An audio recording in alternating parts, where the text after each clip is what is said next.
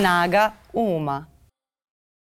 Dobar dan, dragi ljudi, dobrodošli u podcast Snaga Uma. Ja sam Miljana, ovde iz poneljka u poneljak nastojimo da vodimo konstruktivne razgovore, često da vam pravimo društvo i možda da vam damo ideje za razgovore sa ljudima koje vi poštujete. E, moja današnja gošća je narodna poslanica Biljana Đorđević ispred Zeleno levog fronta i sa njom se jako radujem e, da razgovaram e, o tome šta politizacija zapravo znači, a za šta se sve predstavlja onda kada, kada se spinuje i koje su sve to teme uh, o kojima bi trebalo mnogo više politički i da razmišljamo, a i da očekujemo da se na njih politički dela, ako tako mogu da kažem. Biljana, dobro mi došla, prešli smo Hvala. na ti. Hvala na pozivu, drago mi da sam ovde. Kako si? Dobro, malo umorno, mhm. imali smo ovaj, dve, dva dana sednica do ponoći, e, sinoć bi možda još duže trajala, ali ovaj, je nekako crko malo sistem, tako da treba preživeti sve to, ali u principu kad se malo duže odspava, što sam danas imala prilike, to je redka situacija, malo se, malo se svi oporavimo. E sad, moram pre nego što krenemo na ovu temu politizacije, ali to jeste sve na neki način uvezano da te pitam o tom uh, skupštinskom životu. Vi dobijete dosta pitanja o tome kako uspete mentalno da se mm. očistite i da ne izgubite svaku veru u, u čovečanstvo, sedeći tamo i, i često slušajući uh, uvrede i sve, i sve što se dešava, sve to slušamo i mi, ove, ali kako to, kako to zaista izgleda i na koliko to ljudi zaista utiče? Uh, šta, šta je ono što tebi prvo padne, padne na pamet kad se to pita? E, na, naravno, najpre utiče na nas, ali utiče na naše porodice, na naše, naše prijatelji koje ne viđamo dovoljno i na koje, nažalost, ponekad izbacimo frustracije svim onim e, što proživljavamo i ovom prilikom zaista onda moram e, njima mnogo da se zahvalim e, na, na tome što, što nas čuvaju i neguju. Um, zato što um, prosto s jedne strane postoji jedno to očekivanje da moraš da se boriš za, za interese koje zastupaš i to naravno za, zašto smo mi tu. Dakle, mi uh mhm. -huh. predstavljamo Um, ne samo ljude koji su za nas glasali, mi uh, prosto po našem izbornom zakonu predstavljamo sve građane Republike Srbije uh, i onda u tom predstavljanju stvari se trudimo da obuhvatimo jel, one o kojima želimo da pričamo u tom trenutku koliko imamo vremena, znači se trudimo da govorimo mi iz Zeleno Levo fronta o onima koji su bespravljeni i koji nemaju glas, koji nemaju moć da govore nekom drugom mestu. I s jedne strane onda je tebi jako važno da iskoristiš svaki mehanizam, svaki sekund, da to uradiš što bolje, da bi i oni imali osjećaj da neko govori za njih i da bi zapravo to mogo da dođe do nekih novih ljudi koji znaju da onda mogu da ti se obrate i da ti proširiš borbu, da proširiš krug ljudi koji iza toga stoji. Uh, naravno, s druge strane, nije neko ko hoće onda da čuje to kao dobronamerni uh, krik uh, obespravljenih, nego kao neku vrstu zloupotrebe i uh, često uh, koristi situaciju da po uh, procedurama ima mnogo više vremena, da izvrće tvoje reči, da kaže da, da si rekao nešto što nisi rekao, da potpuno ignoriše nešto važno što si rekao, a izvlači laži o tebi ili o a, nekim s kojim si na ovaj ili na način povezan. I tim, time onda u stvari, time što smo mi ušli u tu arenu, uh, izložili smo sve ljude oko nas, da će onda ne samo iznositi laži o nama, nego i tim našim prijateljima, poznanicima, rođacima i tako dalje. Uh, I to je neka stvar sa kojom svi mi svesno, polusvesno ulazimo u to, ali možda nikada do kraja ne očekujemo koliko to daleko može da ide. I bez obzira što um, Uh, što vi znate da ste u pravu i znate da je na istina na vašoj strani, ne možete uvijek biti sigurni da, da to izađe u etar i prenosi se na nekakvim televizijama sa nacionalnom frekvencijom, neki ljudi možda neće poverovati u te laži.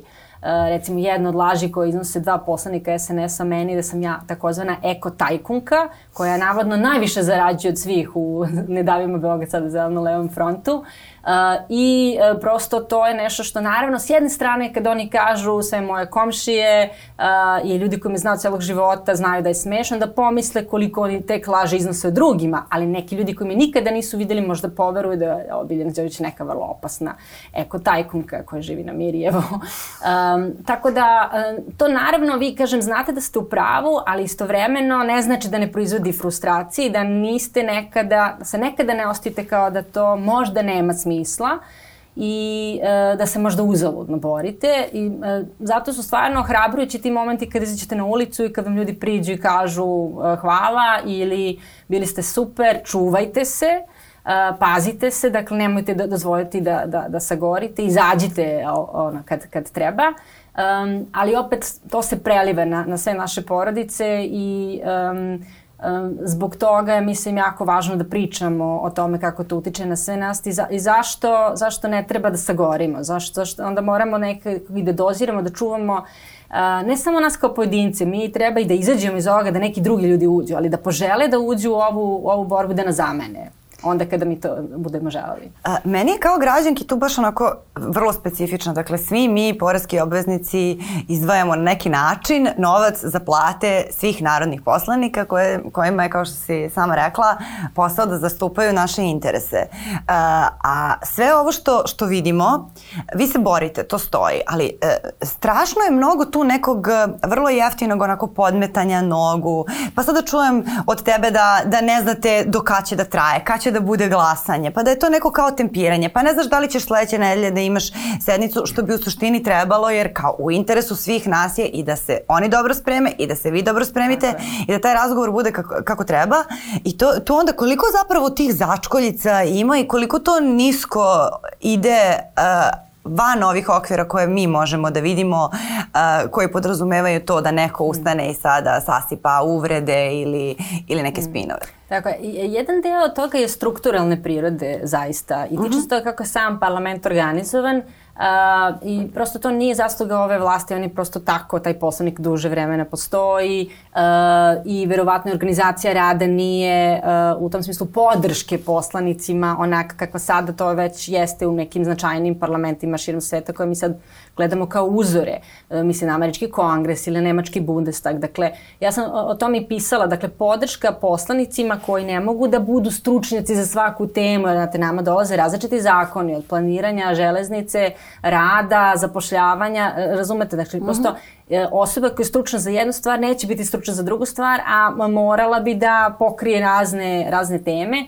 Um, I mi nismo, jel, mi smo predsednici e, građana, dakle nismo u tom smislu uh, birani kao na nekakvom konkursu za posao. Dakle, u tom smislu da, gledali smo i da među nama ima različitih uh, različitih struka, ali zapravo nije ni očekivano da mi radimo to sve, nego da imamo i neku vrstu stručne podrške koja nije adekvatna. Vama svakodnevno stiže niz nekakvih papira, sva šta se ulazi u proceduru, a vi onda ne znate kad će to doći na dnevni red. Tako da neko može da kaže pa da, ušao to u proceduru prve 15 dana, ali tada je ušao još 30 drugih stvari uh, i proučavanje i temeljna priprema za svaku tih stvari, a da vi ne znate da li će to doći na dnevni red za mesec dan ili za šest meseci, nije ista. Vi morate onda da pravite prioritete.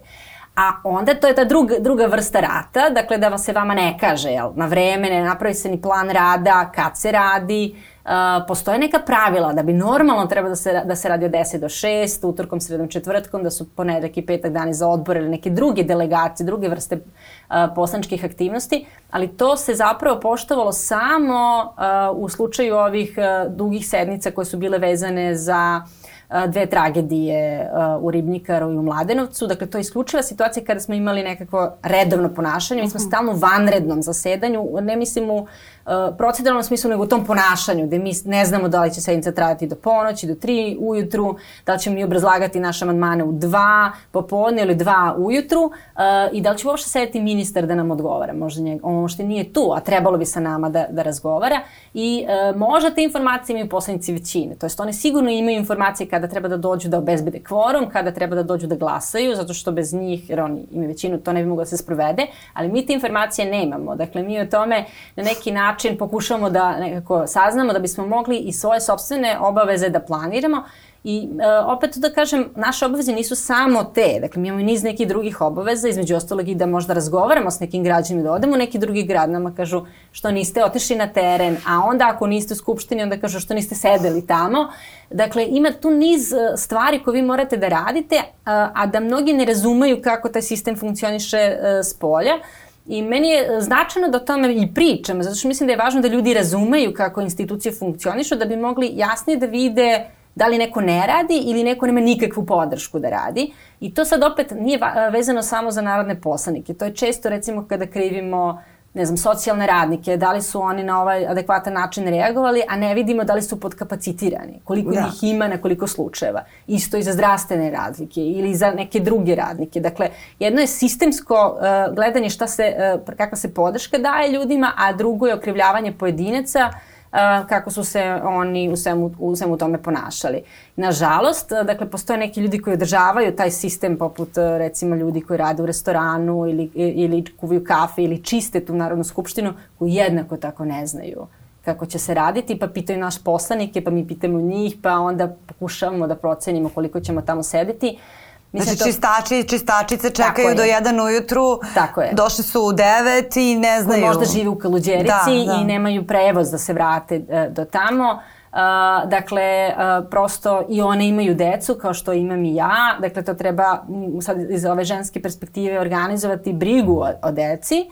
Uh, to baš i nije nekakva vrsta, a kada recimo, kada, kada uh, je par poslanica koje su majke to istakle uh, kako je Vladimir Orlić recimo to uradila koleginica iz Narodne stranke a, a, kada je istakla Vladimir Orlić da je on najgori poslodavac ko, koga ona ikada imala zato što ona ne zna kada će otići da vidi svoje dete, a, on je krenuo da to ni podaštava, opet da svaljuje na nju kako ona loša radnica nikad nije tu.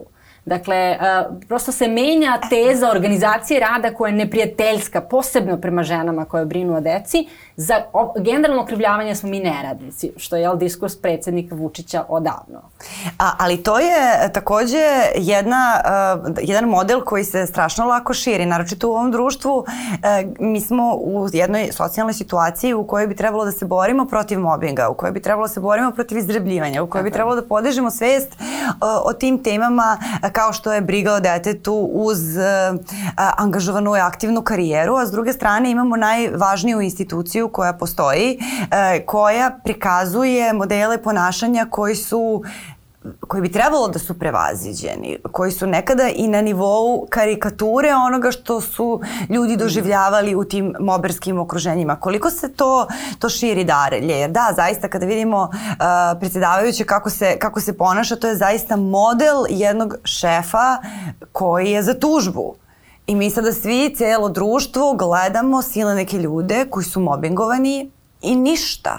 Tako je, tako je. Mislim, um, meni deluje da mi s druge strane, dakle naši politički protivnici, tu vrstu mobinga doživljavaju i sobstvenim partijama, odnosno toj najvećoj jel, partiji da, i da, da taj model obrazca njima potpuno poznat i, i na njega su navikli i maltene proispitivanje da li to tako treba je nečuveno. Uh, I onda, kažem, to je, to je ta priča kad se vi požalite na tu organizaciju, na neka prava koja pišu, uh, u tom poslovni, poslovniku vi izgledate razmaženi, ali vi nećete da se borite za građane, niste tu do tri ujutro.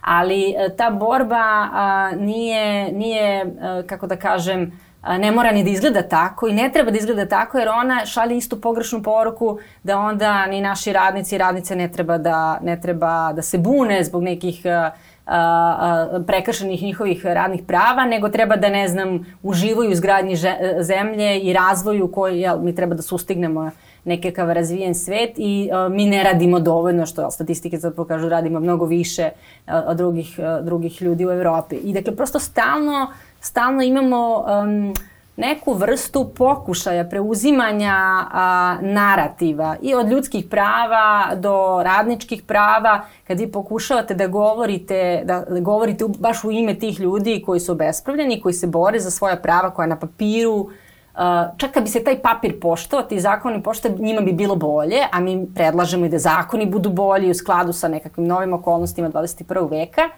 Dakle, oni, oni preuzimaju to na takav način da maltene um, te mi posle teško da govoriš više tim jezikom. Dakle, e, to je jedna, u Skupštini se posebno, a onda naravno i u drugim medijima, vidi ta jedna borba narativa.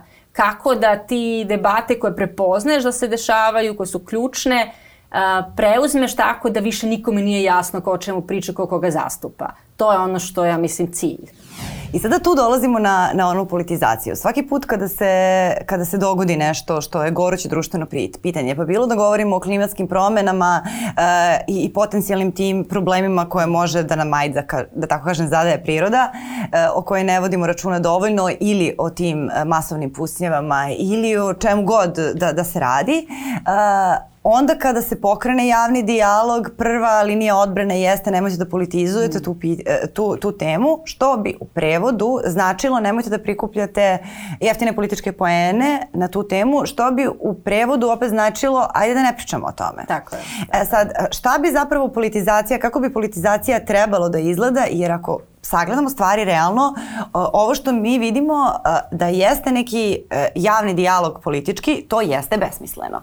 Mislim, e, to, to ne, vodi, ne vodi nikuda e, konstruktivno i možda jeste verovatno stresno za mnoge ljude koji su žrtve nekih ovaj, loših situacija ili slično da gledaju na taj način razvlačenje svega onoga što je njima bitno, ali opet kako, kako se tu normalizuju stvari. Mm. Tako je. Um, pa, mislim, ta priča o politizaciji, s jedne mhm. strane, uh, ona, ona se u nekakvom na, našem svakodnevnom govoru koristi kao uh, neka vrsta um, uvrede, jel vi to radite zato što je to u partijsko, to je strančaranje u stvari, a stranke su nužno loše i one nešto nužno loše rade, osim ako to nije vladajuća stranka. Samo ona može da politizuje, samo ona može da stavlja e, stvari e, na dnevni red kao pitanje rasprave, jer ona je onda zapravo država. I to je čitava matrica. Dakle, vladajuća stranka je u stvari država i kada ona priča, ona zastupa interese države i svako sporavanje toga je, je um, u stvari opasno za njihove interese ove, ovog iznačavanja partije države uh, i zbog toga je takva reakcija. Um, da, zaista vi možete neke stvari da zlupotrebite i da, da to radite zbog jeftinih političkih pojena. Ja neću negirati da to može da se dogodi. Ali, to se i dešava. To se i da, dešava, da. ali Um, uh, dakle, ekstremna posljedica uh, uh, ovoga, kako si ti lepo opisala, bi bila da potpuno nema dijaloga ni, ni o čemu. Dakle, to je antipolitika u stvari. A politika nije loša stvar, politika je u stvari nužna za, za neko društvo zato što u njoj postoje sporovi. Mi se sporimo oko toga kako nešto treba raditi. Uh, I upravo to kada imamo spor, mi moramo njemu da raspravljamo i da ponudimo možda i često i ponudimo različite vizije kako taj uh, uh, spor treba razrešiti. To je onda politizacija. Čim mi krenemo da razgovaramo o tome i ukažemo da postoji konflikt, i taj konflikt ne mora nužno da bude neki nasilni konflikt, samo jednostavno vidimo da smo na različitim stranama, i da će neko možda, uh, nekome će se na, nauditi zbog toga što se uradi, sa se, ide s jednim rešenjem, neko, a neko drugi će od toga imati koristi. I mi onda, ako ne vidimo taj konflikt, ako ga prikrivamo, mi dakle prosto radimo u interesu nekoga kome je ta odluka da. ide u prilog, a zaboravljamo na neke druge ljude. I mi onda namerno u stvari i moramo da politizujemo, jer to je naša odgovornost prema tim ljudima koji su učutkani, jel?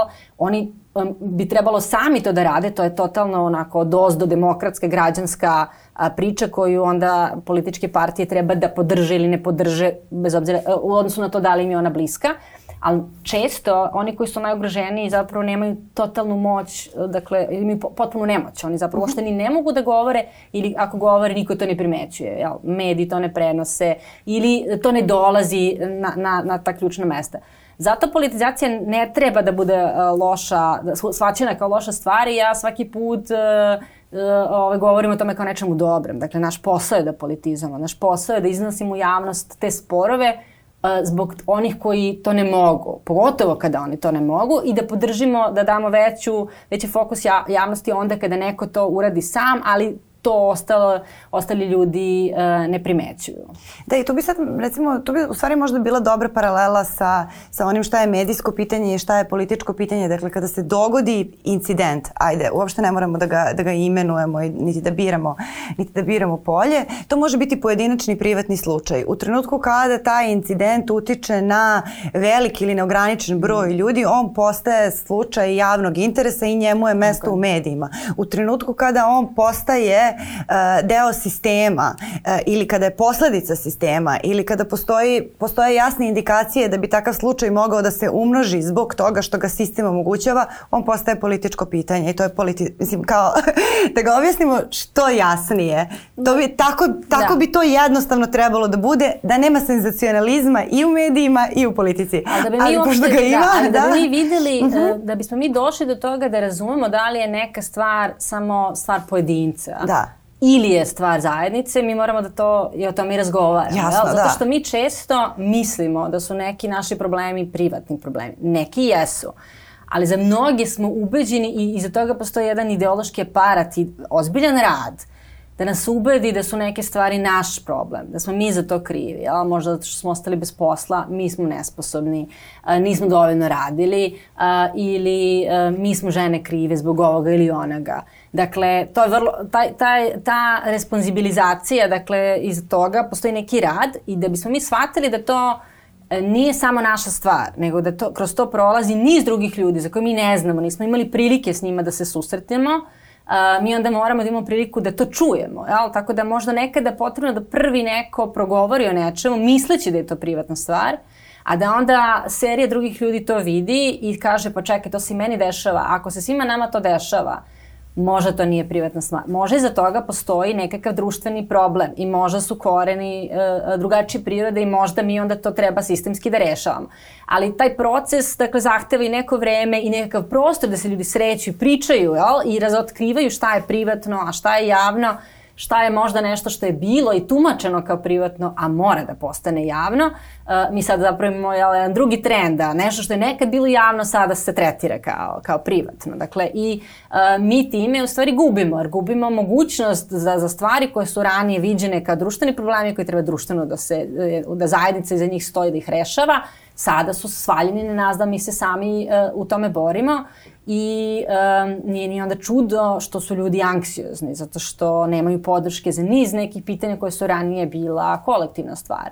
Od brige o deci, od brige o stanovanju, dakle, niza nekih pitanja vi sada morate da razrešate i pošto je toliko toga svaljeno na pojedince kao na njihovu privatnu stvar, ne čudi ni što onda oni, oni nemaju vremena možda da pričaju o javnim stvarima, da se bave politikom koja bi u stvari baš rešila neke njihove privatne stvari. Da, pa stvari. to je taj, to je taj u stvari jedan, jedan začaran, začaran krug i koliko sada to jedno uh, okruženje koje zaista e, počiva uh, na muškim principima u onom lošem, mm. u onom lošem kontekstu, dakle na jednim principima patrijarhata, jer mi kada pogledamo kako izgleda cijela ta struktura skupštine, uh, kako se, kako se Orlić obraća mm svojim kolegama i koleginicama u stvari sa pozicije maltene nekog onako autoritarnog oca koji tu raspoređuje stvari. Uh, koliko onda teško pronaći prostor za razvoj nečega što bi trebalo da bude ne znam,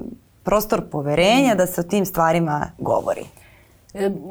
Ja, mislim, teško je, e, ali zapravo mislim da se, ja lično mislim, to je neki moj teorijski stav, a i moje dosadašnje iskustvo, da se mi razvijamo upravo kroz te granice sukobe jel, koje uh mhm. -huh. vidimo. Dakle, granice koje onda učimo da prevazilazimo i sukobe koje nas nateraju da preispitamo naše pozicije i shvatimo šta je ono protiv čega se borimo. A mi možda nekada ni ne vidimo jasno naše pozicije dok nas neko ne, supro, jel, dok se neko ne suprotstavi takvim jel, ponašanjem. Um, I um, mislim, dobro je prosto imati to kao primer da se podsjetimo da mi ne želimo da budemo takvi. Dakle, jednog dana kada neko od nas bude predsedavao tom skupštinom, a taj dan će doći, dakle, da se podsjetimo da ne želimo da budemo takvi. Dakle, da želimo da dopustimo da dopustimo a, a, raspravu, da želimo, dakle, da pos, i postoje načini, to može i on da radi kada bi želeo, ali on to ne želi. Dakle, da imajući ovakav poslovnik, poslovnik kakav ima, obezbedi raspravu zaista substantivno stvarima, tako da, da ljudi se ne osjećaju da slušaju neki cirkus, nego da stvarno slušaju rasprave o važnim uh, zakonima i važnim temama. Postoje momenti kad se to događa, zaista, ali oni, oni su e, ne znate kada će se dogoditi. To, to je neka slučajnost u kojoj možda neki ministar zapravo sasluša vaš argument pa vam odgovori ili neki poslanik, ali to su redki momenti. Da, Najčešće da. oni imaju spremne govore, spremne narative, tačno svako ima podeljenu ulogu i ponavljaju se iste poruke, jel, da bi se zapamtile, bez obzira što ste vi pričali i onda to stvarno zvuči besmisleno. Ali on ima mehanizme da to spreče, on ima mehanizme da kaže ne govorite o temi, uh, ima mehanizme da kaže sada je ova tačka dnevnog reda. On to ne koristi, osim kada njemu odgovara da učutkuje opozicijone poslanike. Ja mislim da ako smo mi, uh, prosto ako želimo društvo u kome mi imamo mogućnost da ras, raspravljamo stvarima, da bi iz toga proizašle najbolje rešenja, pa čak i da to nekad nisu naša rešenja, nego rešenja nekih drugih, mi moramo to da dopustimo i moramo da iz ovih primjera učimo da mi takvi ne želimo da budemo i da se podsjećamo i da jedni drugi podsjećamo, nema nikada da budeš kao Vladimir Orlić ili neki pre njega. A kako sada to utiče uh, na uh, generalno političku pismenost ljudi. E, jer jedno je ono znanje koje dobijamo u školi o mm. politici, koje, ako ćemo iskreno, vrlo oskudno sem ukoliko yes, da. studiramo neke od fakulteta koji se, koji se time bliže bave, a, ali je činjenica da se mi o politici informišemo i edukujemo svesno ili nesvesno ceo život, a upravo najviše, dakle, centar svega toga jeste to kako izgleda Narodna skupština. Šta jedan prosječan građanin ili građanka možda nauči o politici kao ideji, da se tako izrazi, izrazim gledajući ovo što sada, što sada vidi. Da. Mislim, to je opet i tvoja struka, pa Jeste, me sad baš da. zanima da li si, da li si razmišljala o tome. Jesam, nedavno, mislim da je to verovatno i ranije bila neka inicijativa, ali skoro me neko od novinara pitao šta mislim o tome da postoji poseban program, kanal za parlament i uh, ja mislim da ono što nama nedostaje, to je sad malo i zadatak i za, za medije i novinare, da li oni tu nekako mogu da pomognu, uh, više te stručne analize uh, i komentarisanja Skupštine. Dakle, ne samo da jel, ljudi gledaju što se dešava, a da, to je kao da gledate tenis, a ne znate pravila. Da, jel? Da. Pa onda kao, aha, sad zašto je sad ovo auto ili zašto je sad ovde dupla greška ili tako nešto. Dakle, morate znati pravila uh, uh, i neko vam mora objasniti ta pravila i to je način edukacije da vi gledate i vidite da li onda Orlić bio bezobrazan. S tim što naravno oni ni ne mogu da vide sve što se dešava u sali, što mi možemo da vidimo. Um, ali ta edukacija je neophodna i ja mislim da se sad dešava nešto značajno. Sad, možda je ovo pitanje mog mehura, ljudi koji se meni javljaju, koji e, prilaze i nekih mojih prijatelji koji nikad nisu gledali Skupštinu sada gledaju, možda zbog mene, Uh, ali to sa svima nama dešava mnogo novih ljudi u politici u ovom sazivu i onda njihove porodice, njihovi prijatelji sad to gledaju. Tako Jasno, da su neki da. novi ljudi koji se edukuju i koji kažu meni ovo nikad nije bilo interesantno, ali sad jel, počinjem kao da prate neki novi sport. I to je prilika da pažnju tih ljudi dakle, usmerimo, da im objasnimo pravila i da onda možemo i da, kada razumete pravila, onda znate i koja pravila morate da menjate. Tako da, to je, mislim, uh, to je jedan deo i kroz to gledanje kako se uči, ali za mene najbolja edukacija uvek ta sa učešćem, jel, ta da. participacija. Da. Dakle, to kad ljudi onda izađu na protest ili kad organizuju sobstvenu neku akciju, oni mnogo nauče. Uh, I to je ta praksa uh, jel, uh, koja je potpuno drugačija. Možda nemaš uh, teorijske koncepte ili ne razumeš neke debate veće od tebe, ali znaš jel, kako da organizuješ ljude, a to je već učenje o organizaciji društva, o prevazilaženju ljudi različitog temperamenta, karaktera i zapravo slaganju volja. Jel? Mi čak i u pokretu unutar koga imamo snažno slaganje oko brojnih vrednosti da, oko da. kojih smo se okupili, imamo ne, jel, neslaganja oko nekih konkretnih rešenja, nekih konkretnih pitanja. Mi učimo kroz taj proces uh, kako da nađemo konsenzus, kako da kako da prevaziđemo uh, nerazumevanja, prvo da se razumemo bolje, uh, pričamo različitim jezicima, u tom smislu ne, ne, ne bukvalno, ali uh, ja dolazim s fakulteta i onda mi je potrebno da prevedem nekada nešto nekome ko ima potpuno drugačije iskustva. Jel? I ko, Jasno, da, da. E, I to, to učenje i to prevođenje je vrlo dragoceno i najbolje se dešava u praksi. Bilo da ste u skupštini, bilo da, ste organ, da organizujete proces. Da A to jeste vrlo dragoceno iskustvo i ja čak i mislim da bi, da bi svako koga politika interesuje ili ko na bilo koji način učestvuje u političkom životu, a svi koji glasaju učestvuju, ja. na neki način trebalo makar nekad da oseti taj e, stranački život ili život neke političke organizacije, da vidi kako izgledaju ti sastanci, da vidi kako se okupljaju ljudi, zato što potpuno je drugačija ideja koju mi imamo o tome šta bi trebalo neka politička organizacija da uradi i onda kada vidimo u praksi e, kako izgleda zapravo demokratska, zato što i ta demokratska strana podrazumeva da ti ne možeš sve da odradiš odmah kako ti je palo na pamet, nego mora tu da Tako da postoji je. neki proces koji neka traje dosta dugo. Uh,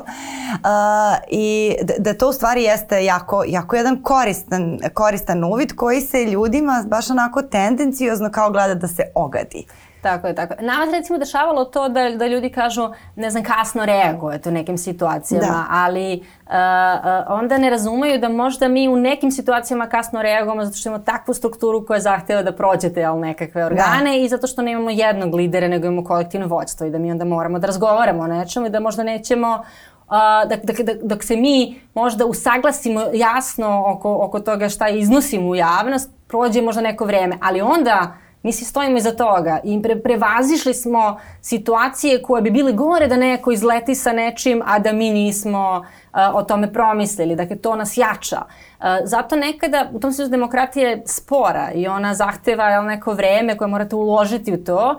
Neki bi rekli ona i košta. Tako je, ona će biti neefikasnija nego autoritarizam. Ali šta je cena toga? Jel? Da neko sam donosi odluke da se pravi najpametniji, to već gledamo uh, cenu toga. Uh, Uh, I cena toga nije, možda će neko... I videli smo kroz istoriju mnogo Tako puta, ne je. samo našu, nije to sada neka stvar. Ali uh, uh, to je opasno ne samo zato što jedna osoba ne može da zna sve, uh, nego i opasno zato što ubija uh, ideju da vi možete da učestvujete u tome, da osjećate moć, da možete da doprinesete tome i onda se nećete ni uključivati. I onda će neko uh, moći onda vas da gazi po raznim nekim drugim osnovima, jel? Tako, tako nastaju diktature, des, despotije. Uh, I ja onda često prosto mislim da e, mnogi ljudi ne učestvuju u nekim procesima jer se već osjećaju nemoćnim da u tome učestvuju. A sticanje moći je i taj osjećaj da vas je neko saslušao i da ste vi kroz taj proces naučili kako da postavite pitanje kome da ga postavite, šta ste novo onda morali da pročitate da biste to shvatili i da, ste, da biste onda razumeli taj sistem, pa i da biste, morate ga prvo i razumeti ako želite da ga menjate, e, isto tako. I za sve nas je to obrazovni proces, i zato stvarno participacija je najbolji način uh, e edukacije. Uh, ono što meni, meni stvarno interesantno da ja prepoznajem, uh, jer uh, ja, kao neko ko radi na fakultetu, ko se, ko se bavi politikom u tom teorijskom promišljanju, ja prepoznajem brojne uh, debate iz teorije jel, koje se dešavaju u drugim zemljama kod nas, ali um, one, one su nekako u pozadini, a da bi ljudi, ljudi ne moraju to sve da znaju, da bi prepoznali nekakvu konkretnu situaciju kao opasnu po njih. Mm -hmm. Dakle, super da se napravi ta veza i mi se trudimo da je pravimo, ali ljudi mogu da krenu od sobstvenih nekih iskustava i nekada onda su i pametniji od nas koji znamo možda širu teoriju, jer oni imaju konkretno iskustvo gde su vrlo lako uh, a, povezali. Hoćeš da daš tu primer, čisto da objasniš na šta, na šta misliš, bilo kao je nešto što ti padne sada na pamet. Pa, e, evo recimo, jedna stvari, evo, sad, sad, sad, sad sam pod utiskom toga, zato što mi sada usvojamo set zakona kojim o, o strancima, zapošljavanju stranaca i uskoro će, sada nije bio na dnevnom redu zakon o državljanstvu. I mi jako liberalizujemo naš koncept uh, uh,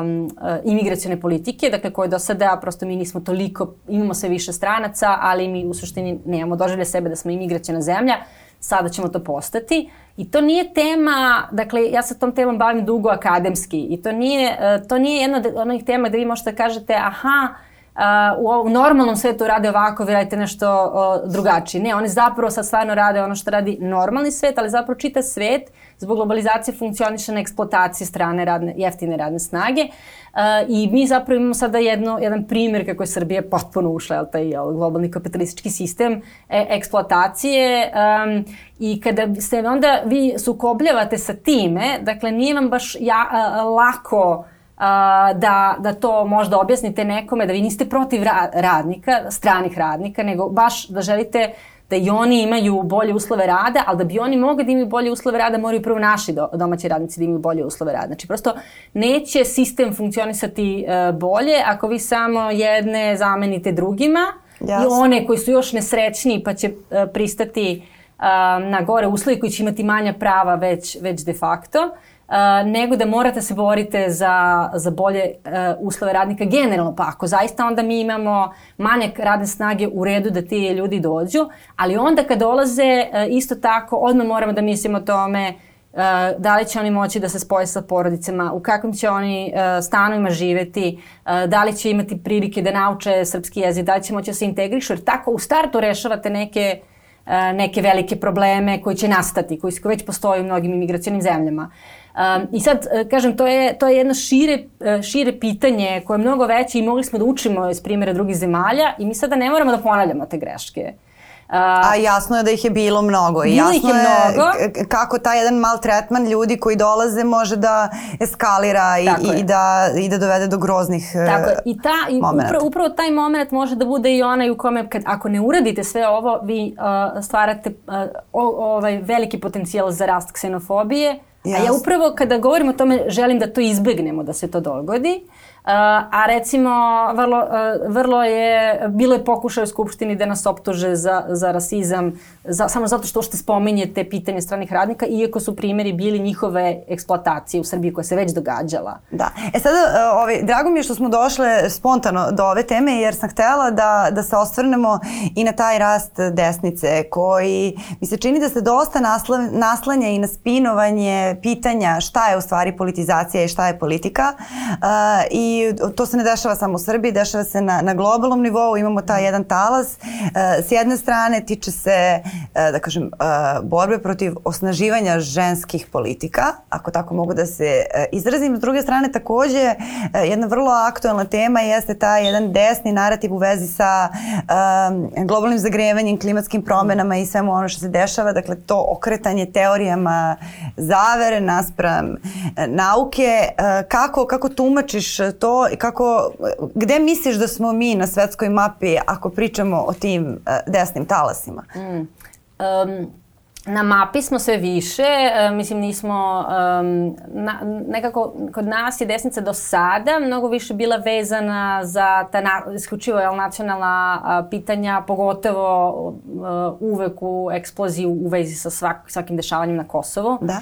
Uh, koja maltene uh, kooptirala da vi uopšte onda ni ne možete pričati o Kosovu na drugačiji, na, na drugačiji način. Jako je, jako je, ovaj, uh, jako je teško uopšte govoriti o običnom životu ljudi, ali sve više imamo hvatanje u trend, hvatanje tih da. svetskih trendova koji su um, jedan izraz takozvane antirodne mobilizacije, koja da. potiče od katoličke crkve i već je tu transnacionalna, ali ima izvore i, i u Rusiji, dakle širom sveta, dakle imate to i u Americi i Rusiji i e, kod nas e, svakako dveri su najbolji nekako predstavnik toga. Oni su recimo od početka bili protiv zakona o rodnoj ravnopravnosti, još kada su bile um, um, javne rasprave, jer se taj zakon dugo donosio, jedno 6-7 godina, pa su onda nedavno poslali i predlog Skupštine da se taj zakon povuče. Uh, tako da prosto jasno je da su, da su stavili to kao neku, neku svoju nišu. Uh, imamo vrlo prominentnu ulogu Srpske pravoslavne crkve da, da se taj rečnik dosta, da tako kažem, usavremenio, sad ovo, ovo je malo i pežorativno, zato što ne mislim da je to dobro, da, da, da. ali je počeo da liči na taj rečnik katoličke crkve, kakav nije ranije bio, i to posebno sa, sa novim patrijarhom. Baš se može pratiti prošle godine um, pred Europride, a i sada, recimo u obračunima koji su bili sa poverenicom za rodnu ravnopravnost, Dakle, jasno, eksplicitno targetiranje jel, te rodne uh, ili LGBTQI plus ili kako god uh, ideologije. Dakle, uh, ko je neprijatelj tradicionalne porodice, a porodicu moramo sačuvati. I sad tu je ta neka veza između s jedne strane tog u suštini svetskog trenda koji možemo da prepoznamo u Poljskoj, Mađarskoj, Americi, među jel, fundamentalistima, Rusiji, s jedne strane i nečeg blažeg od vladajuće većine, jel? da neki krakovi će ići u ovom pravcu, ali neki neće, da se onda zapravo hvata sve pomalo i drže se sve neke pozicije, ali se povremeno jel, promene uh, učbenici i biologije, da se isključe lekcije o rodnom identitetu, tek, pa onda jel, imate uticajne intelektualce koji malo, malo pričaju o tome i u stvari neki način nas kuvaju kao žabu. Dakle, u tom smislu da mi, ja mislim da mnogi ljudi misle da smo mi, da mi ne možemo biti Poljska, jel, zato što nemamo katoličku crkvu, zato što prosto i možda nismo toliko religiozni kao, kao Poljaci, Uh, ali je to vrlo, vrlo je opasno to uljuljkavanje uh, u poverenju da, ću, da, će sva prava koje smo izvojevali ostati i tu pogotovo mislim na, na ženska prava. Dakle, postoje ti stalni napadi, oni su sitni, ali uh, i, i na pravo na abortusa i na razne druga prava, Uh, oni su sitni, nisu dovoljno snažni, ali to ne znači da se ova borba vodi u onom ciklusu četiri godine kao za izbore. Ovo je borba za narednih 10, 20, 30 godina. Dakle, i u tom smislu je jako važno da prepoznamo i čak, uh, dakle, mi smo imali uh, u maju mesecu ovde neku tajnu konferenciju za koju uh, nismo znali tačno ni gde je okupljanje baš, jel tako, svih tih... Uh, Konferencija mizogenih ličnosti. Tako je, ti, ti, te anterodne, ali ne znam kako se tačno tako, zvala. Tako da, deluje. Da. Tako, to je... Sećate se da mhm. prosto, jel, i gradonačelnik Beograda je pokušao tri puta da organizuje dane porodice, onako, to je bio jedan potpuno fijasko. Dakle, uh, taj, uh, ta to je još jedan taj, e, ta borba oko reči, oko jezika koja je izuzetno važna, zato što tim insistiranjem na porodici se govori da onda neko drugi nije za porodicu, ali dakle razlika je u tome da li smo za porodicu sa velikim P kao jedinu moguću tu heteronormativnu nakon kako je, e, kako je neko vidi, a da sve ostale zapravo nisu prave porodice, da se osjećaju, ne znam, defektno ili se borimo za sve oblike e, porodica. Mi smo u ovoj drugoj grupi. Dakle, da, porodice, ali porodice su i jednoroditeljske, porodice su i istopolne zajednice, dakle, različite su porodice i dopustite ljudima da žive u tim različitim porodicama a, srećno i zadovoljno, dakle, i podržite ih e, u tome. Nemojte insistirati da postoji samo jedan način života koji je ispravan. Dakle, i o tome se o, o, ovde zapravo radi. I sada kako privodimo ovaj razgovor k kraju, uh, zanima me tvoje mišljenje uh, o jednoj tezi da malte ne svaki put, uh, ako se osvrnemo na, na istoriju, kada se dogodio neki veliki napredak u tome kako komuniciramo. Pa da li je to štamparska mašina, radio, televizija, sada internet i društvene mreže, događao se taj jedan iskorak populizma koji je vrlo često upravo širio te desne stavove. Uh, Sada, jedno od tumačenja jeste da je znanje došlo do jedne količine ljudi koji nisu još uvijek bili a, mm. opremljeni adekvatno i nisu umeli da ga tumače, tako da su, ih je bilo lako mobilisati i poneti a, za tako neke mm. agresivne pohode i slične priče. Da li mi sada živimo to? Sa društvenim mrežama. Kada je zbog društvenih mreža politika došlo do jednog velikog broja ljudi koji možda nisu toliko ranije razmišljali o nauci, o prirodi, o biologiji, o, o ulozi žene, o ovome, o onome, o tome ko treba da bude predsednik Amerike, a ko ne treba, da sad i odjednom taj bubble pukao i, i kako vidiš da će se to, šta misliš o toj tezi i kako misliš da će to da se razvija? U, to je jedno veliko, baš veliko pitanje. Mislim da ima par nekih krakova. Jedno je uh mhm. -huh. da li naučnici još dobro komuniciraju ono, da, ono što, to. što... I to je, što, to je veliki problem. Da. Dakle, Uh, uh, u tom smislu da objašnja, mi ne možemo naravno nikada svi razumeti sve i mi moramo da verujemo nekim naučnicima, to se zove epistemičko poverenje. Ja moram verovati da neko ako je završio dobre škole, ako je objavio naučne radove, da su ti neki zaključci dovoljno kredibilni. Opet, ali isto tako građani moraju znati da nauka počiva na sumnji. Znači, to što je nešto objavljeno, znači da posle toga ne može biti nekim novim eksperimentom opovrgnuto. Prvo, svi moraju da razumeju kako nauka funkcioniše, da onda sve uzimamo sa tom nekom dozom rezerve da je to za sada najbolje naučno znanje i da onda to adekvatno komuniciramo. A onda dolazimo i u jednu situaciju informacijonog rata. Namerno se plasiraju neke informacije jer iza toga neko ima neke koristi. I sad u ovoj nekakvoj nespretnosti u komunikaciji i namernim zloupotrebama koje idu, uh, u, koji su interesi uh, nekih ekonomskih ili političkih elita, uh, dolazi do jedne totalne jel, kakofonije, gde se takođe ljudi osjećaju dovoljno, neki ljudi osjećaju da je dovoljno da pročitaju tri teksta i da misle da nešto razumaju bolje od nekoga ko je to studirao 10 ili 15 godina. Uh, I to se isto pravda demokratijom, da svi imamo prava na mišljenje, što nije ista stvar, da li je naše mišljenje kvalifikovano i da li treba da onda poverimo to epistemičko poverenje toj osobi. Uh, I zapravo mislim da ključ u tome jeste u unapređenju našeg političkog sistema, upravo ove demokratije, jer demokratija nam omogućava baš da kažemo ja o ovome ne znam, Dakle, ali imamo ova legitimna pitanja, ovo me brine. Dakle, legitimne su brige ljudi u vezi sa time uh, šta se njima pripisuje, ne znam, kakvi su to lekovi, da li, ne znam, jel, da li postoje neki problemi sa farmaceutskom industrijom.